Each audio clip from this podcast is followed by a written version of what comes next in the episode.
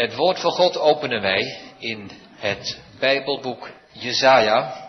Wij lezen uit hoofdstuk 40, vers 12 tot en met 31. Jesaja 40 dus, wij lezen vanaf vers 12 tot aan het einde van het hoofdstuk. Het woord van God spreekt hier als volgt. Wie heeft de wateren met zijn vuist gemeten en van de hemelen met de span de maat genomen en heeft met een drieling het stof der aarde begrepen en de bergen gewogen in een wagen, de heuvelen in een weegschaal. Wie heeft de geest Heren bestuurd en wie heeft hem als zijn raadsman onderwezen? Met wie heeft hij raad gehouden die hem verstand zou geven en hem zou leren van het pad des rechts?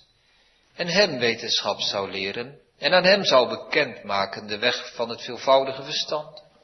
Zie, de volken zijn geacht als een druppel van een emmer.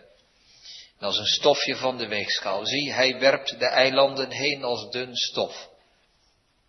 En de Libanon is niet genoegzaam om te branden en zijn gedierte is niet genoegzaam tot brandoffer. Alle volken zijn als niets voor hem. En ze worden bij hem geacht, minder dan niet. En ijdelheid. Bij wie dan zult gij God vergelijken? Of wat gelijkenis zult gij op hem toepassen. De werkmeester giet een beeld en de goudsmid overtrekt het met goud en giet er zilveren ketenen toe. Die verarmd is dat hij niet te offeren heeft, die kiest een hout uit dat niet verrot. Hij zoekt zich een wijze werkmeester om een beeld te bereiden dat niet wankelt.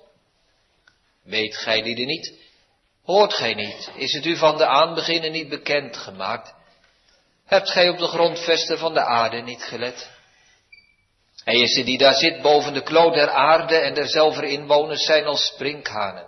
Hij is er die de hemelen uitspant als een dunne doek en breidt ze uit als een tent om te bewonen, die de vorsten teniet maakt. De rechters der aarde maakt hij als ijdelheid. Ja, ze worden niet geplant, ja, ze worden niet gezaaid. Ja, een afgehouden stam wortelt niet in de aarde. Ook als hij op hen blazen zal, zo zullen zij verdorren en een stormwind zal hen als een stoppel wegnemen. Bij wie dan zult gij mij vergelijken, die ik gelijk zij, zegt de Heilige.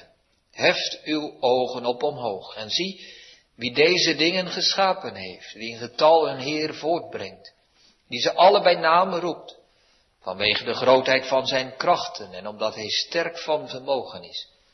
Er wordt er niet één gemist. Waarom zegt gij dan, o Jacob, en spreekt, o Israël, mijn weg is voor de Heere verborgen en mijn recht gaat van mijn God voorbij. Weet gij het niet? Hebt gij niet gehoord dat de eeuwige God, de Heere, de schepper van de einde der aarde, nog moede, nog mat wordt? Er is geen doorgronding van zijn verstand. Hij geeft de moede kracht en hij vermenigvuldigt de sterkte die, die geen krachten heeft. De jongen zullen moede en mat worden en de jongelingen zullen gewis vallen, maar die de Heere verwachten zullen de kracht vernieuwen. Ze zullen opvaren met vleugelen, gelijk de arenden. Ze zullen lopen en niet moede worden.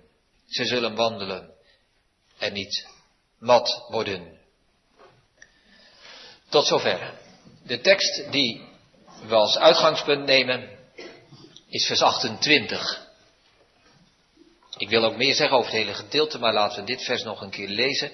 Weet gij het niet? Hebt gij niet gehoord dat de eeuwige God de Heere, de schepper van de einde der aarde, nog moede, nog mat wordt. Er is geen doorgronding van zijn verstand.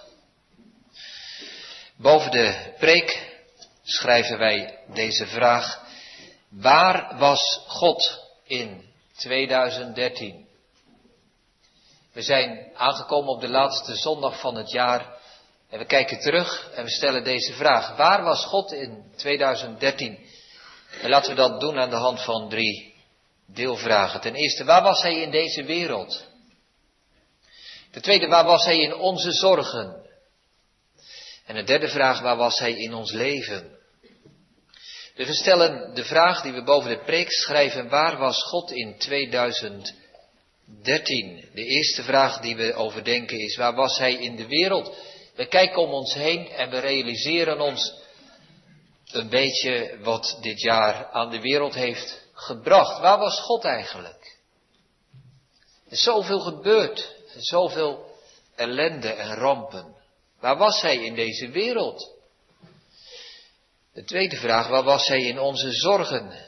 Dan brengen we die vraag terug naar ons eigen leven. Ieder met zijn of haar eigen zorgen, de een meer, de ander minder. Maar waar was hij eigenlijk? Heeft hij wel aandacht en zorg aan mij besteed? Die vraag stellen we in de tweede gedachte. En ten derde, waar was hij in ons leven?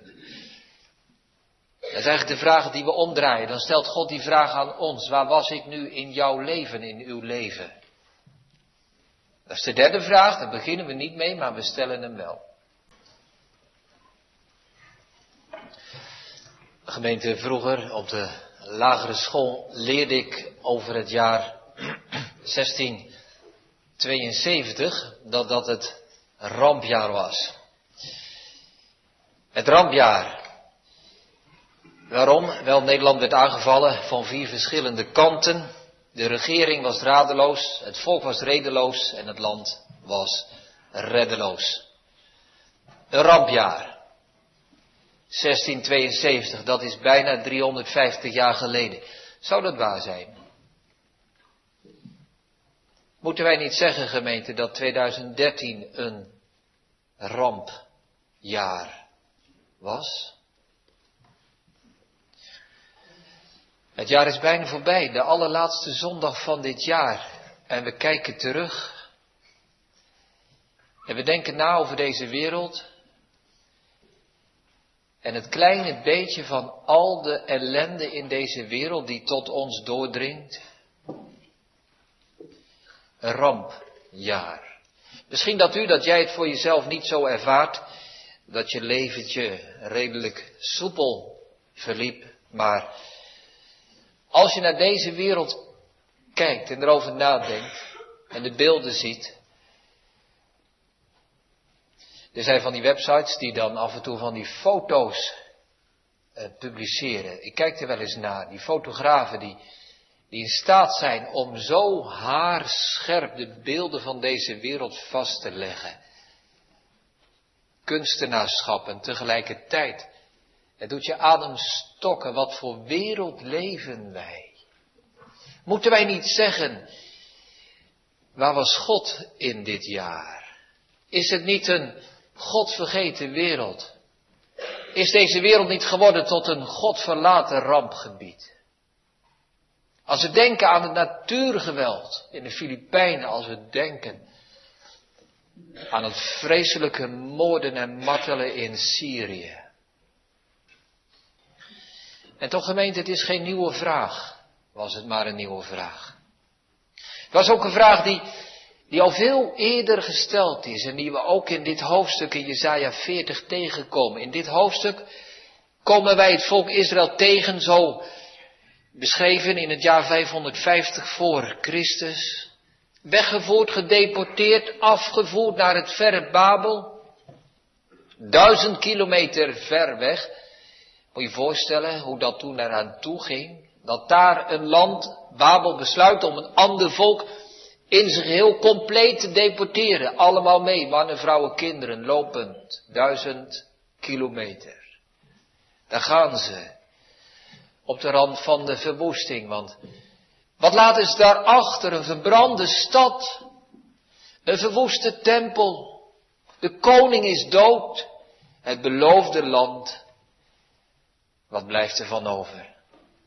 Al die dingen die God hen had beloofd, die zij ontvangen hadden, waar ze op gerust hadden, waar ze in geloofd hadden, weg voorbij. Waar is God? Heeft God er niet verloren van de goden van Babel? En dan zegt vers 23 dat zij overgeleverd zijn aan de vorsten en aan de rechters der aarde. Nou, die vorsten, de koningen, dat kunnen we wel begrijpen. Ja, ze zijn, zijn overgeleverd aan de machthebbers van de wereld. Maar, maar er wordt in één adem ook gesproken over de rechters der aarde. En ik vond dat toch wel opvallend. En het laat ook zien, gemeente, wat volgens mij van alle tijden is. De rechters, wat moet een rechter doen? Die moet recht spreken. Misschien zijn hier wel uh, jongelui die, die rechten studeren. En je denkt, ja, recht in de wereld. Als je dat wilt dienen, moet je rechter worden. Nou, dat is al heel mooi gedacht, maar de praktijk is soms wel wat anders. Zeker als wij nadenken niet alleen maar op, op het niveau van onze eigen rechtspraak. Wij leven gelukkig in een land dat, dat, de, dat er rechtsstaat is. Als je een klacht hebt, als je onrecht wordt aangedaan, dan mag je naar de rechter. Elke Nederlandse burger heeft dat recht om te vragen om recht, om naar de rechter te gaan, die recht zal spreken. Goed, we zijn er blij, we zijn er dankbaar voor. Maar wat nu gemeente als je een, een niveautje hoger komt, hè, op het niveau van twee landen of drie landen of vijf landen die met elkaar in botsing komen en die allemaal hun eigen recht hebben en hun eigen recht is. Wat gebeurt er op dat niveau? Ja, zeg je, dan hebben we het volkenrecht. Ja, het volkenrecht. Dat is ook alleen maar papier. Als landen met elkaar in botsing komen, geldt alleen het recht van de sterkste.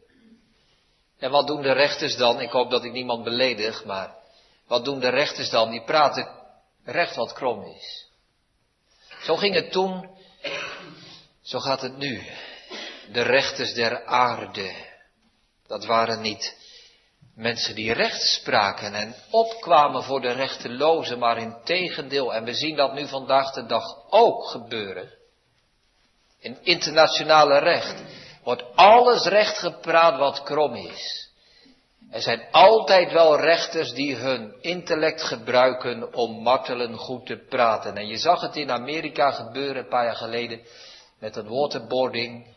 Wat mag je doen met mensen die je gevangen hebt genomen en die je aan het praten krijgt? Zet er een paar goede juristen op en ze praten het recht. Nou, dat is de situatie waar, waar zij in zaten overgeleverd aan de rechters. Een gemeente waar wij ook in zitten.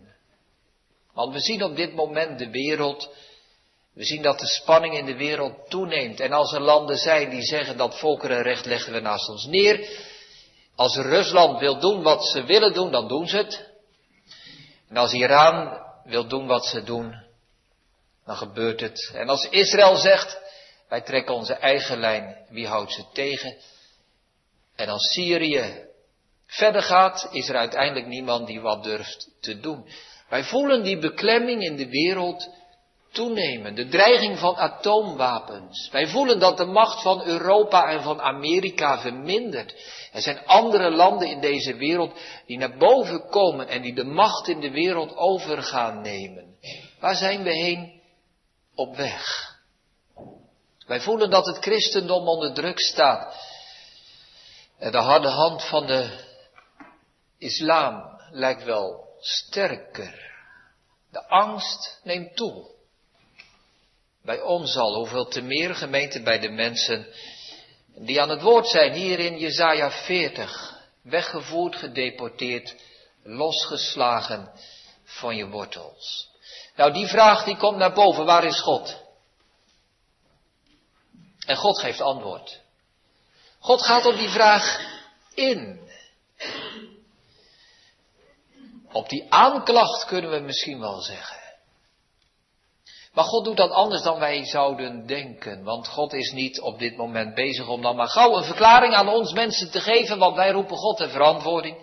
God verdedigt zich niet van, nu moet hij toch wel een uitleg komen, een toelichting, een verheldering, waarom het zo gegaan is en anders dan zij dachten.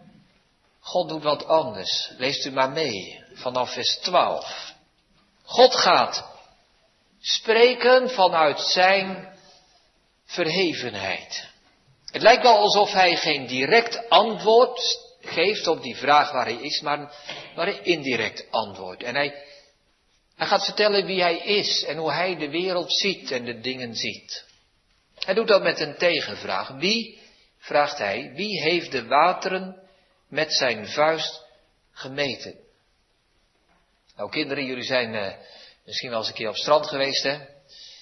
En uh, je speelt daar in de vloedlijn en het water stroomt en je schept een beetje water. Dan heb je water in, zoals hier in de Bijbel staat, in je vuist, in, het, in de holte van je hand.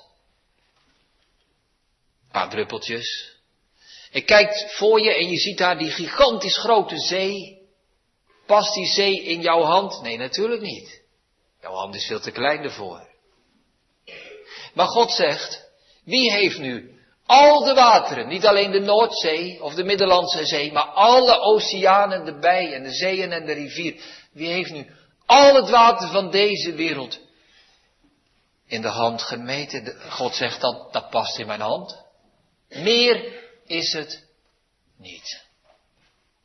En wie heeft van de hemelen met de span de maat genomen? Wat is een span? Nou, dat is de afstand tussen je duim en je wijsvinger. Als je die spant, heb je een span, zo'n stukje. En God zegt, wie heeft nu van de hemelen, van het heelal? Dat grote, immense heelal, waar geen einde aan komt. God zegt, zo'n stukje voor mij. Ik omvat dat tussen mijn duim en de wijsvinger. En wie heeft met een drieling het stof van de aarde begrepen? Dat woord wat hier als drieling staat, dat is waarschijnlijk een, een soort weegschaal geweest van, van, laat ik zeggen, van de kruidenier. Die, die de grammetjes weegt. Klein beetje erbij, een klein beetje minder. Nou, al het stof van de aarde, zegt God, dat, dat is voor mij zo weinig, dat meet ik in zo'n kleine, precieze weegschaal. Gemeente, dat is God. En hij trekt die lijn door. Ook in vers 26, heft uw ogen op omhoog. Kijk nou eens naar boven in de nacht en kijk eens naar al die sterren.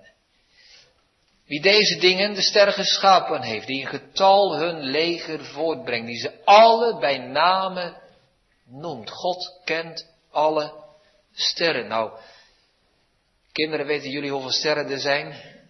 Je denkt misschien miljoen. Veel meer. Ik heb me laten vertellen dat er in dit heelal meer sterren zijn dan de zandkorrels zijn op deze aarde.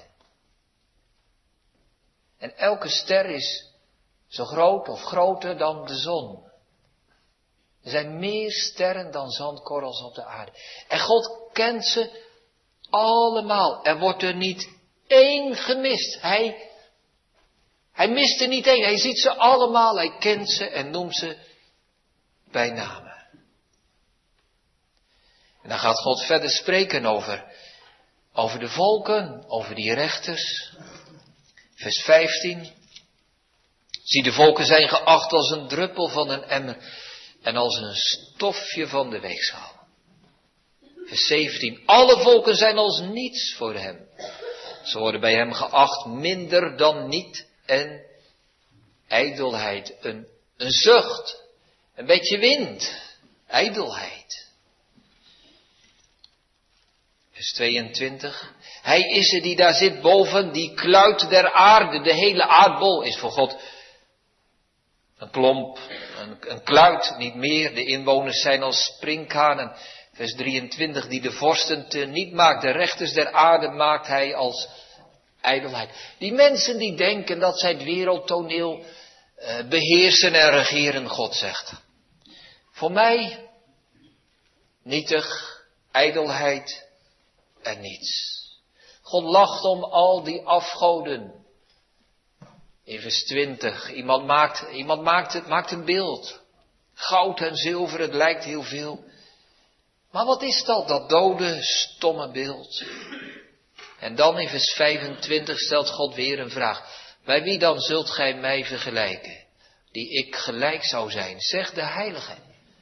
Elke vergelijking met wie of wat dan ook God zegt, doe het maar. Vergelijk mij maar met, met de vorsten en met de rechters en met de afgoden en wie dan ook. Maar elke vergelijking gaat mank. Ik val niet te vergelijken. Ik ben de heilige. De gans andere.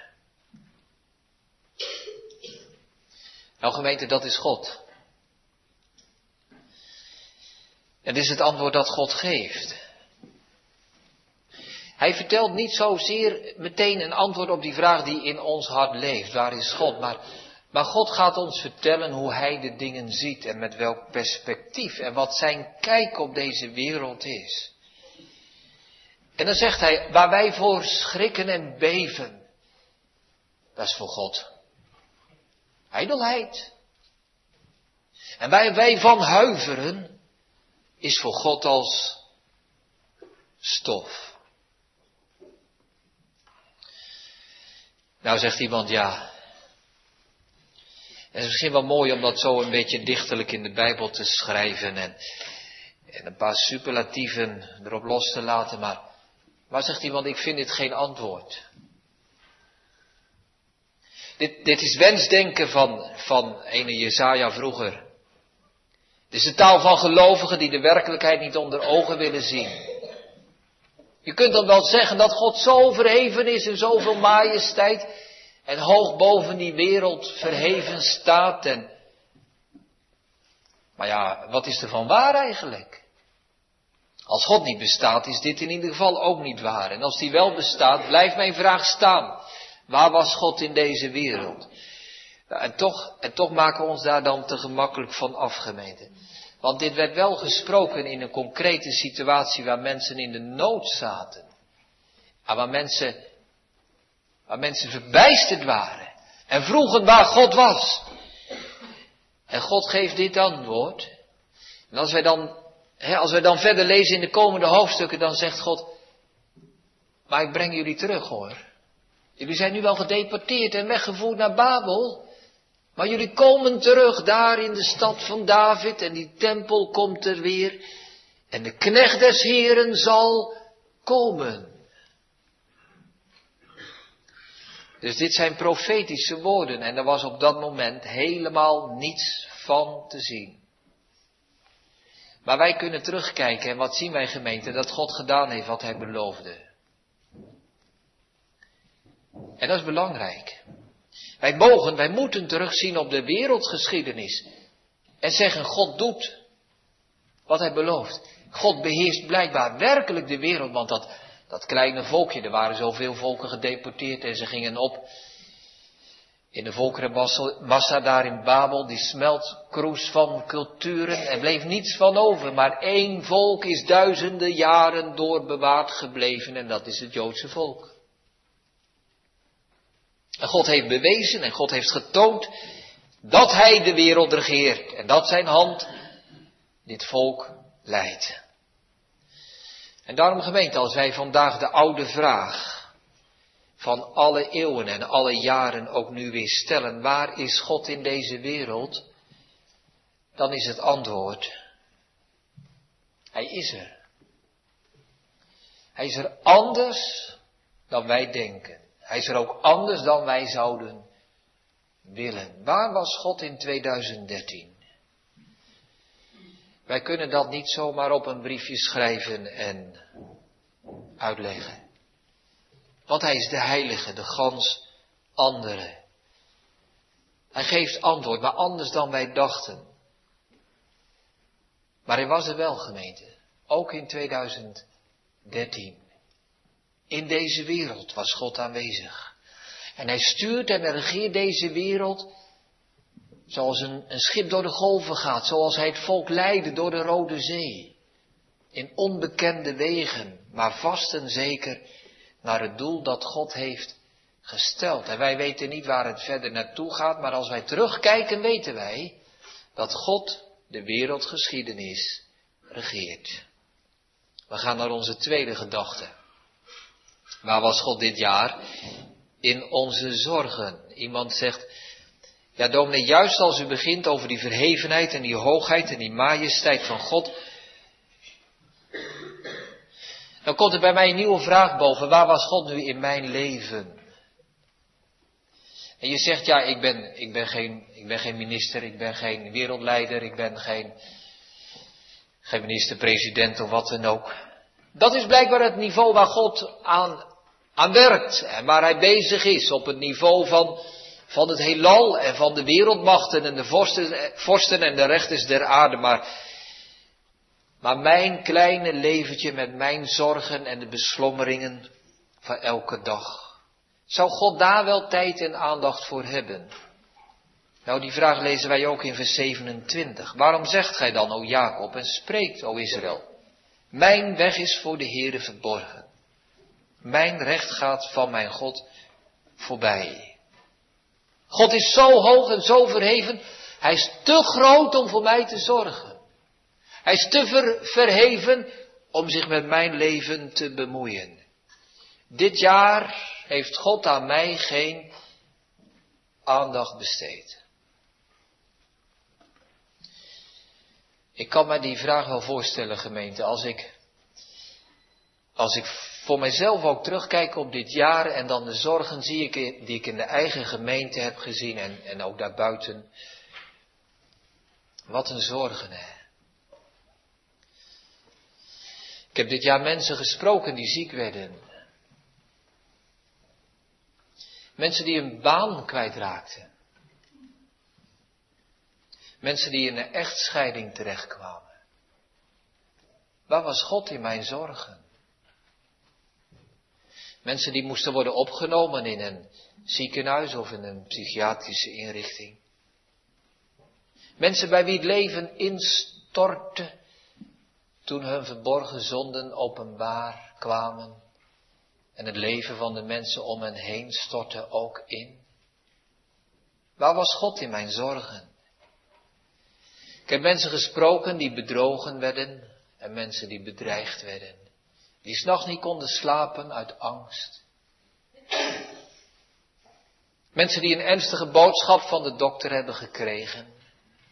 En die zich echt zorgen maken over de toekomst. Waar is God? Mijn weg is voor de Heere verborgen. God is zo hoog en ik ben zo klein. Nou, die gedachtegemeente die kan op allerlei manieren vorm krijgen. En het kan op een, nou laat ik zeggen, een wat, wat directe, ongepolijste manier. Dat we denken, ja, God heeft wel wat beters te doen dan zich met mijn leven te bemoeien. Ik ben zo waardeloos, ik ben maar zo'n klein mens. Of, of misschien denk je erbij, ik ben zo'n zondig mens. God heeft heel veel redenen om niet aan mij te denken. God heeft maar weinig redenen om wel aan mij te denken. Dat kan ons bezighouden. Wat ook al gemeente is dat wij, dat wij diezelfde gedachten een beetje reformatorisch, een beetje gereformeerd inkleuren. En dan beginnen we over de uitverkiezing. En we geloven in de uitverkiezing. Ja, maar, maar als ik me niet vergis, dan, dan, dan denken wij als volgt over de uitverkiezing. Ik weet niet of u of jij het herkent, maar maar ik kom dat wel tegen bij mezelf of bij anderen. Wij zeggen, God heeft van eeuwigheid alles besloten en alles vastgelegd en alles bepaald tot op de millimeter en hij weet en hij kent het en, en het ligt allemaal vast. En we denken erbij, we denken erbij, daarmee heeft God de directe zorg over deze wereld als het ware ja, hoe moet ik dat zeggen, uitbesteed aan de uitverkiezing. En deze wereld die, die vliegt op de automatische piloot van Gods uitverkiezing. God bestuurt alles, ja inderdaad, maar,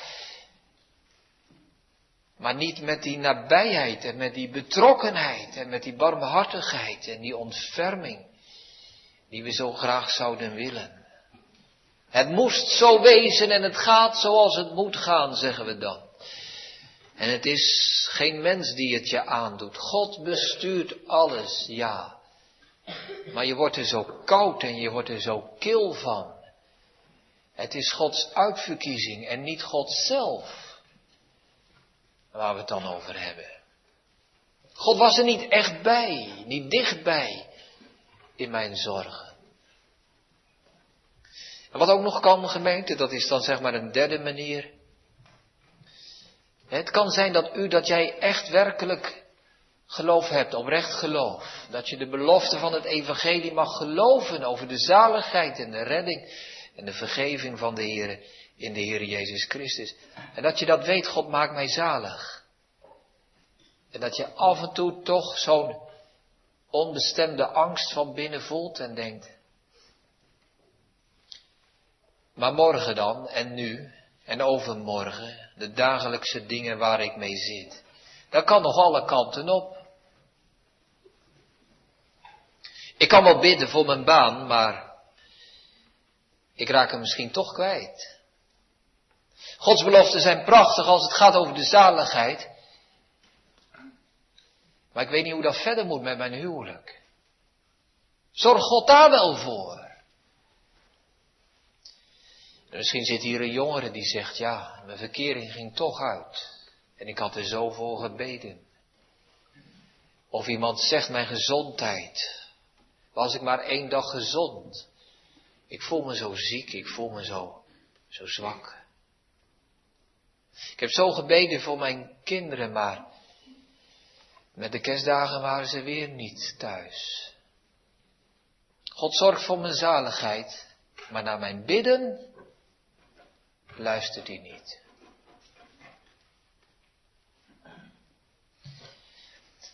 En dan stelt God weer een vraag, gemeente, in vers 28. Weet gij het niet? Weet je het echt niet?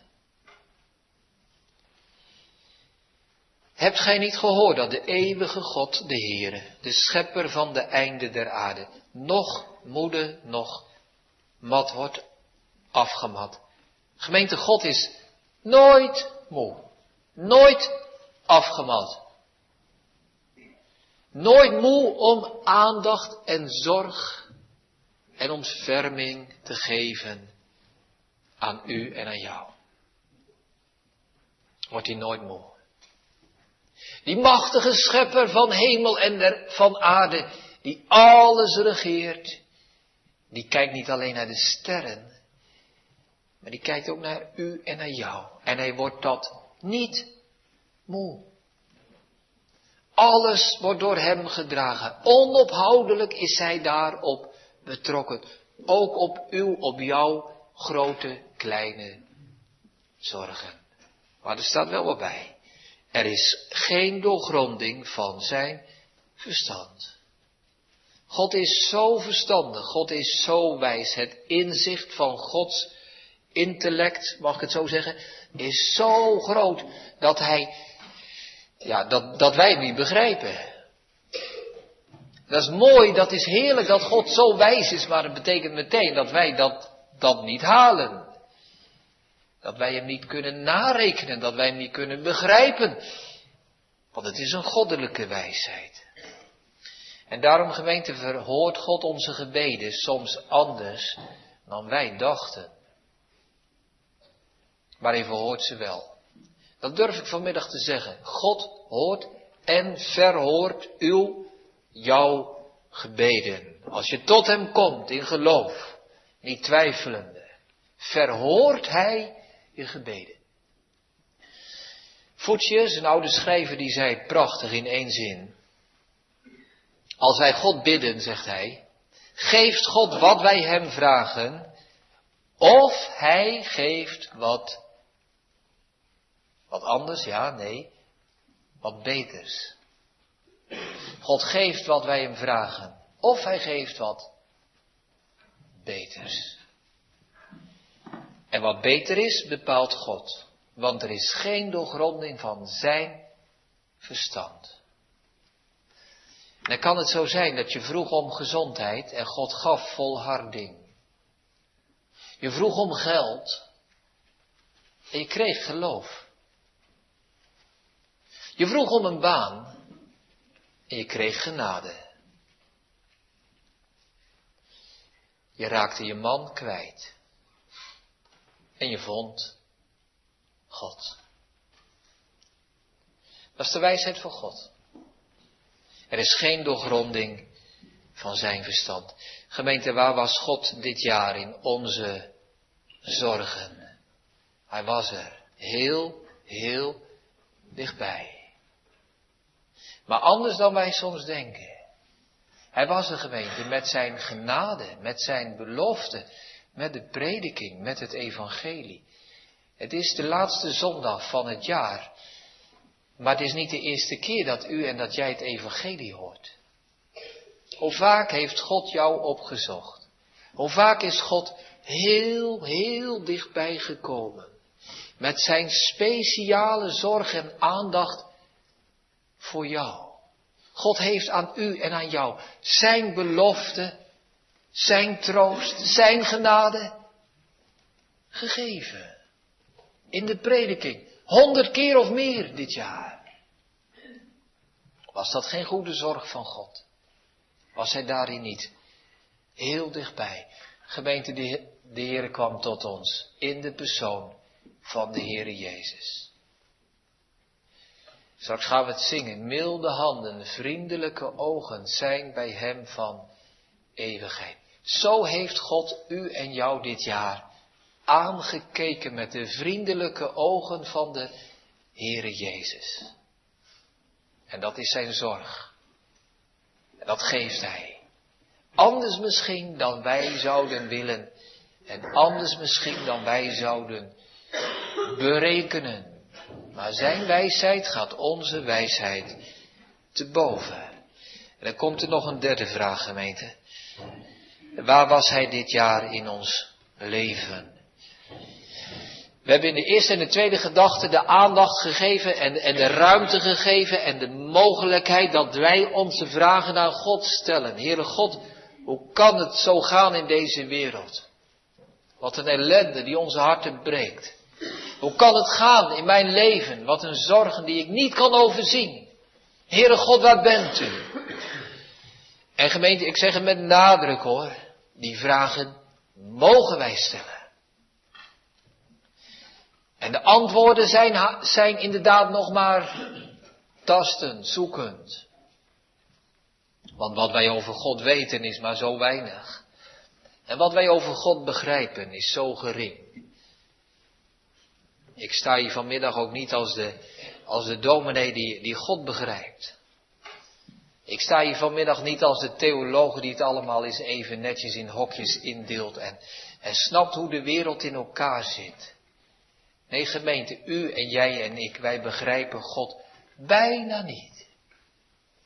Maar dat is niet omdat God zich niet laat kennen, maar dat is omdat God zoveel groter en zoveel machtiger is dan ons beperkte verstandje aan kan. Dus die twee vragen die stellen wij. Waar is God in de wereld? Waar is Hij in onze zorgen? En misschien vindt u en jij wel dat de antwoorden te mager zijn. En wij komen bij God met ons onbegrip en we vragen een verklaring. Wij komen bij Hem met onze vragen en we willen een reactie. Maar nu komt God met een vraag naar ons. En dat is die derde vraag. Waar was Hij in ons leven? Of misschien kan ik de vraag beter zo stellen. God stelt aan u en aan jou deze vraag. Waar was ik dit jaar in jouw leven? Welke plaats was er voor mij in jouw bestaan? En die vraag mogen we elkaar toch stellen op de laatste zondag van het jaar. Wanneer wij, wanneer wij een moment stil te nemen en terugdenken, achterliggende jaar, achterliggende jaren en we overzien ons leven en we denken terug tot het jaar 550 voor Christus en verder tot in de eeuwigheid en we stellen ons een moment voor God. En God stelt een vraag.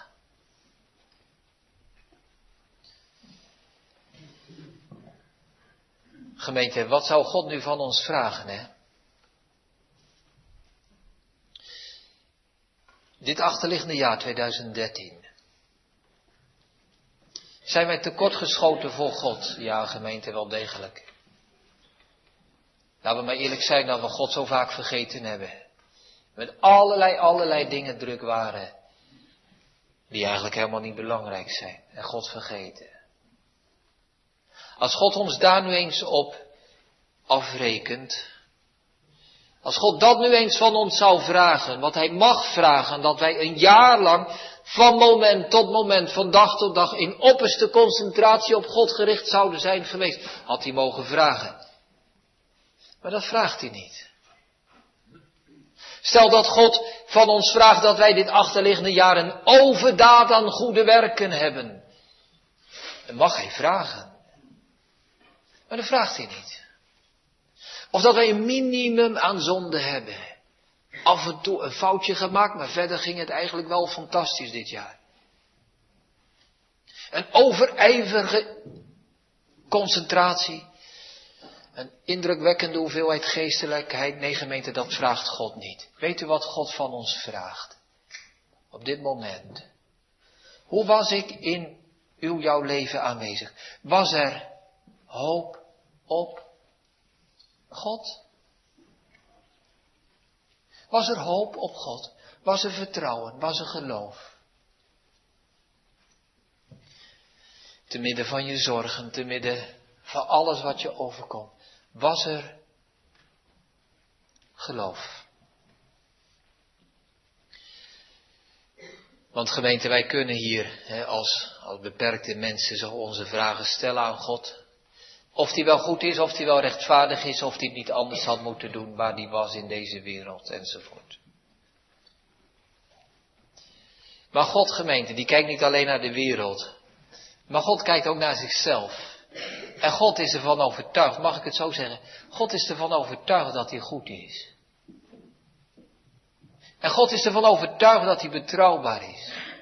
En God heeft ons dit jaar beloofd, wie op mij vertrouwt, komt niet beschaamd uit. Wie naar mij toevlucht, wordt gered.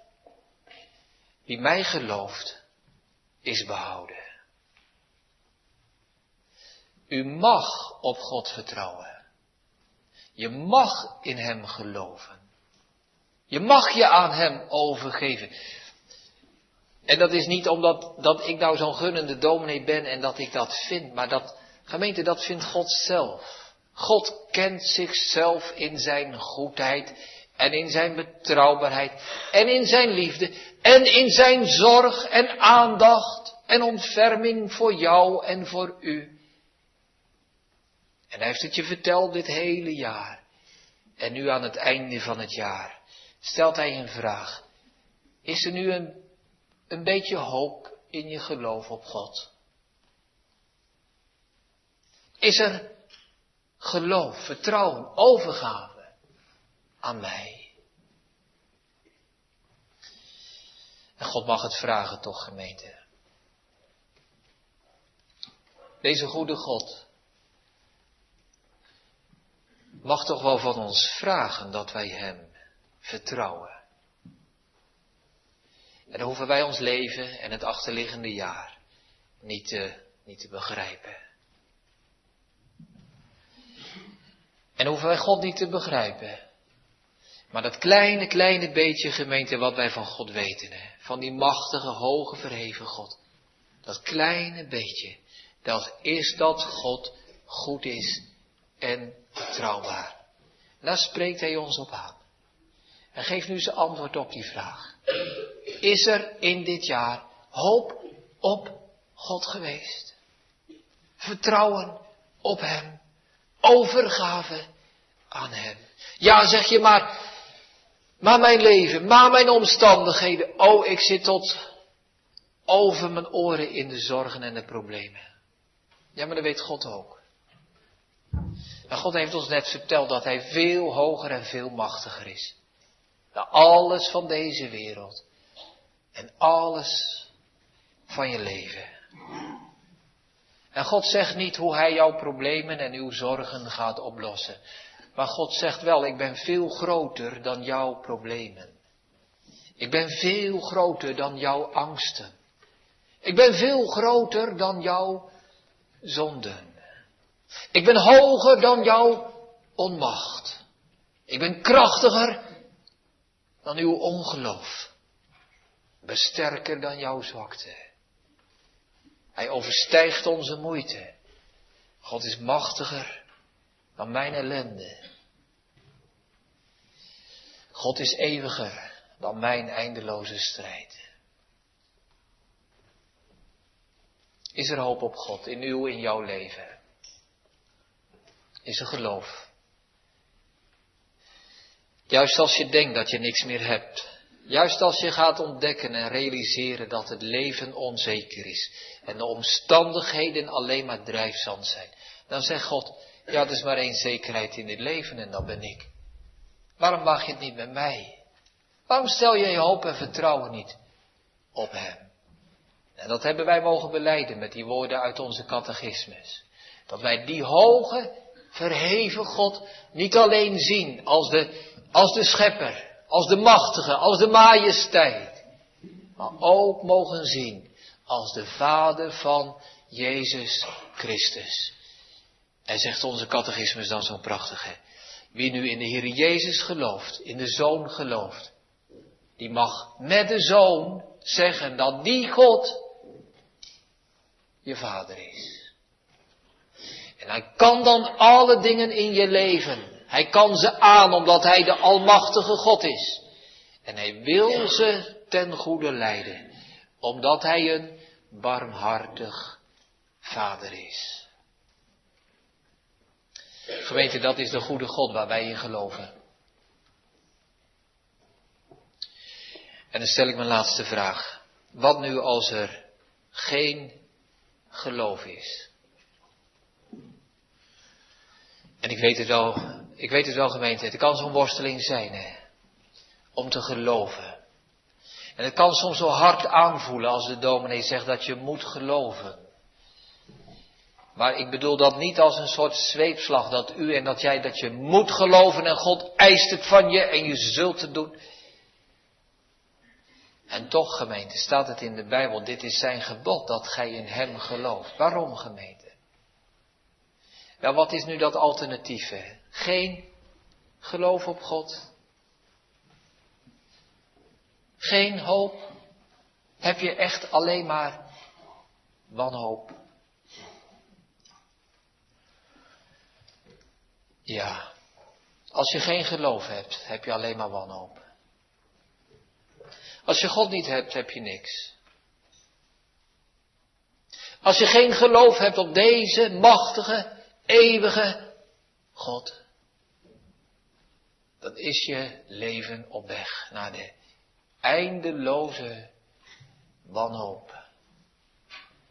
Naar de radeloosheid. Naar de leegheid. En niet omdat God dat wil. Maar daar kies je zelf voor.